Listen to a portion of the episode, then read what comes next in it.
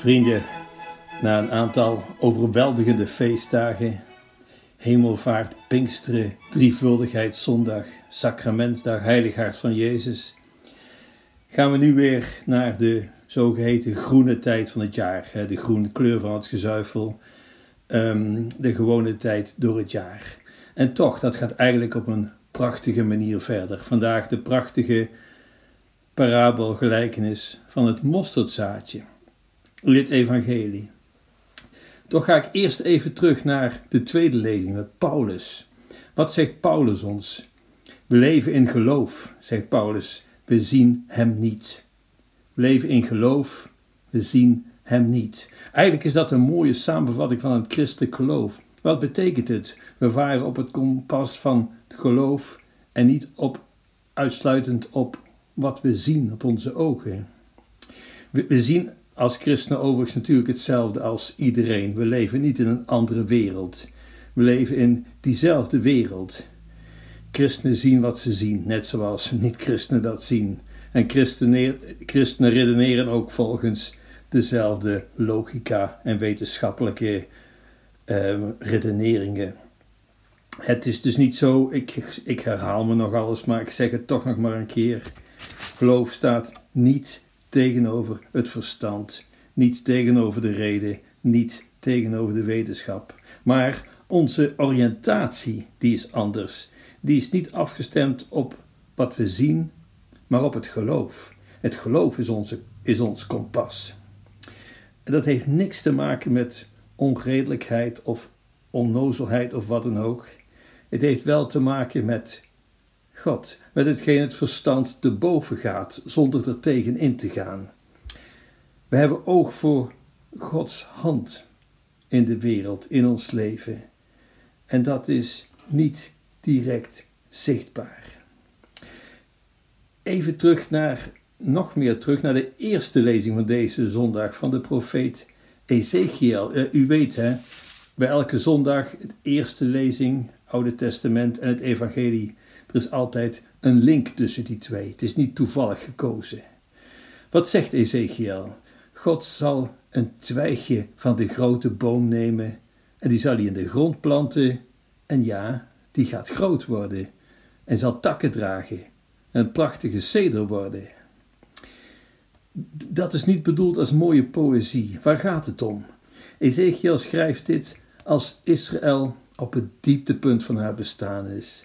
Ze is overvallen, ze is bezet door buitenlandse mogendheden, in ballingschap, uh, uit het land verdreven, uit elkaar gedreven. Kortom, het is uitzichtloos. Ja, en dan kun je je de vraag stellen: ja, hoe zat dat nou met Gods belofte? Israël is toch het beloofde land, moet een licht voor de volkeren zijn. En kijk nu eens. De troon van David, ja, daar zou iemand komen uit het geslacht van David en die zou heersen voor altijd. Maar kijk nu eens. Maar dan, zegt Ezekiel, oké, oké, verdreven. Nog maar een klein twijgje. Maar dat zal teruggeplant worden, dat kleine twijgje.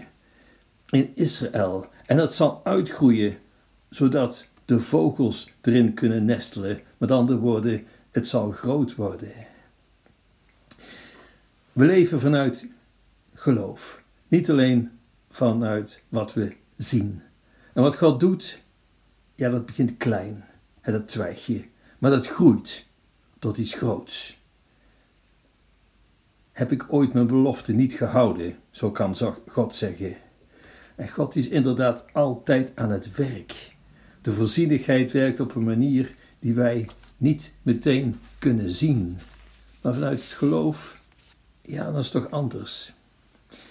Goed, Paulus, Ezekiel en dan vijf eeuwen na Ezekiel, Jezus. Hij die voortkomt uit het geslacht van David. En kijk eens naar het evangelie van vandaag. Kijk eens naar het evangelie. Jezus zegt eigenlijk hetzelfde. Hij zegt, zo gaat het met het rijk gods. Het is als een boer die zijn land bezaait. Hij gaat slapen, hij staat op hij ziet niks groeien. En toch, wat gebeurt er? Onderwijl kiemt het zaad, het schiet op. En uiteindelijk brengt het vruchten voort. En zelfs zo groot en groot dat het op een gegeven moment tijd is om te oosten. Zo zit Gods schepping in elkaar. Zo is het ook met God. Onderwijl is hij aan het werk, wat er ook gebeurt. En dan gaat Jezus verder. Hij heeft het over een mosterdzaadje. Dat is een van de kleinste zaadjes die er zijn, naar het schijnt. Heel klein, maar het groeit uit tot een gewas veel groter dan bijna alle andere gewassen. Het krijgt takken, zodat vogels erin kunnen nestelen. Vogels erin kunnen nestelen, dat is wat Ezekiel ook zei. Het Rijk Gods wordt hersteld en het begint met herstel van Israël, het uitverkoren volk, dat een licht voor de wereld moet zijn, en die belofte aan David, koning voor altijd, die is vervuld. Dat mosterdzaadje begint heel klein, het groeit enorm. En dat zie je door de hele geschiedenis van de kerk. Waar begint het mee? Heel klein. Kleiner kan niet met Christus. Gekruisigd. Wat een hopeloos begin. Als een crimineel aan het kruis vermoord. En iedereen vlucht weg. Er is bijna niemand meer. Wat een begin, wat een heel klein zaadje. En toch, dan die verrijzenis. En kijk hoe die kerk groeide wereldwijd. Ik heb de laatste cijfers nog gezien. Ook in onze dagen, de kerk groeit wereldwijd enorm. In onze streken niet, ik weet het, maar kijk naar het grote geheel. De kerk begint met een gekruisigde, bespot, vernederd. Leerlingen gevlucht, wat een begin. Over mosterdzaadjes gesproken. Het is niks zo klein. En toch, en toch, tot op de dag van vandaag groeit die kerk gestaag. En kijk eens verder in die geschiedenis. Gaat uit over de wereld, zegt Jezus tegen twaalf apostelen. Ja, wat is dat voor een opdracht met twaalf man over de hele wereld, met zo'n klein groepje over die grote wereld. En kijk eens naar vandaag. Zelfs in de begintijd is het al enorm gegroeid. En zo is het altijd doorgegaan. geef een paar voorbeelden. Kijk naar Franciscus van Assisi, een vreemde vogel. Begon als een eentje, heel eenvoudig. Maar goed, u kent zijn geschiedenis. Hij trok toch mensen aan.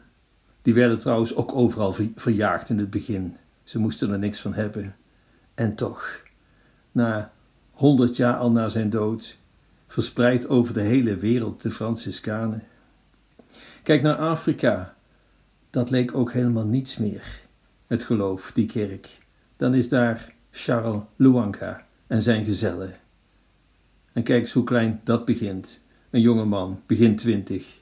En nee, hij wilde niet voldoen aan de seksuele verlangens van de koning die het op hem gemunt had. Dat kon hij niet, vanwege zijn christelijk geloof. En die koning die wist dat. En wat doet hij? Ja, het martelaarschap. Die koning kon het niet hebben, maar Charles geeft niet, geeft niet op en geeft niet toe. En hij sterft. En ja, dat lijkt op niks uit te lopen. Maar we leven nu eenmaal in geloof, niet in wat we zien. En wat zien we? Een jongen die sterft omdat hij trouw wil blijven. En wat zien we? Een enorm groeiende kerk. Jaarlijks komen nog op zijn sterfdag honderdduizenden mensen bij elkaar. En met hem, met dit kleine twijgje, is heel de groei van Afrika begonnen. Onvoorstelbaar. Zo werkt God. Kijk naar, en hun geschiedenis hoef ik niet te vertellen, u kent ze. Kijk naar Pater Damiaan. Kijk naar dat kleine twijgje Pirke Donders. Kijk naar Moeder Teresa. Allemaal begonnen ze aan een ogenschijnlijk kansloze missie. En toch, kijk eens wat zij voor vruchten hebben voortgebracht. Moeder Teresa zit niet over de hele wereld, zowel in India als Zuid-Amerika, maar ook in Amsterdam en New York. En ze heeft een keer gezegd: als er mensen op de maan gaan wonen en er is armoede, gaan we ook daar naartoe. Het mosterdzaadje, die gelijkenis, kortom, geef het niet op. Kijk verder dan wat nu gaande is om ons heen. Kijk verder dan wat je ziet. God is aan het werk. En doe één ding: werk gewoon mee. Doe wat je kunt. En dat lijkt niet veel, lijkt weinig in handen te hebben. En kijk eens hoeveel tegenkrachten dat er zijn. En toch, Is het kansloos? Nee, nooit. Nooit. Volhard in het gebed, de sacramenten, steek de handen uit de mouwen en kijk dan even terug naar de apostelen, naar de heiligen, naar die wereldwijde groei. En het is nodig, want waar groeit het niet? In onze contrij, in het Westen. De secularisatie slaat toe en de ziel die dreigt uit de samenleving te verdwijnen. Maar toch, geef het niet op, denk aan het mosterdzaadje en werk eraan mee. Het kleine twijgje dat u en ik zijn, ja, God weet wat er allemaal voor vruchten uit voortvloeit. En later zullen we het ook weten.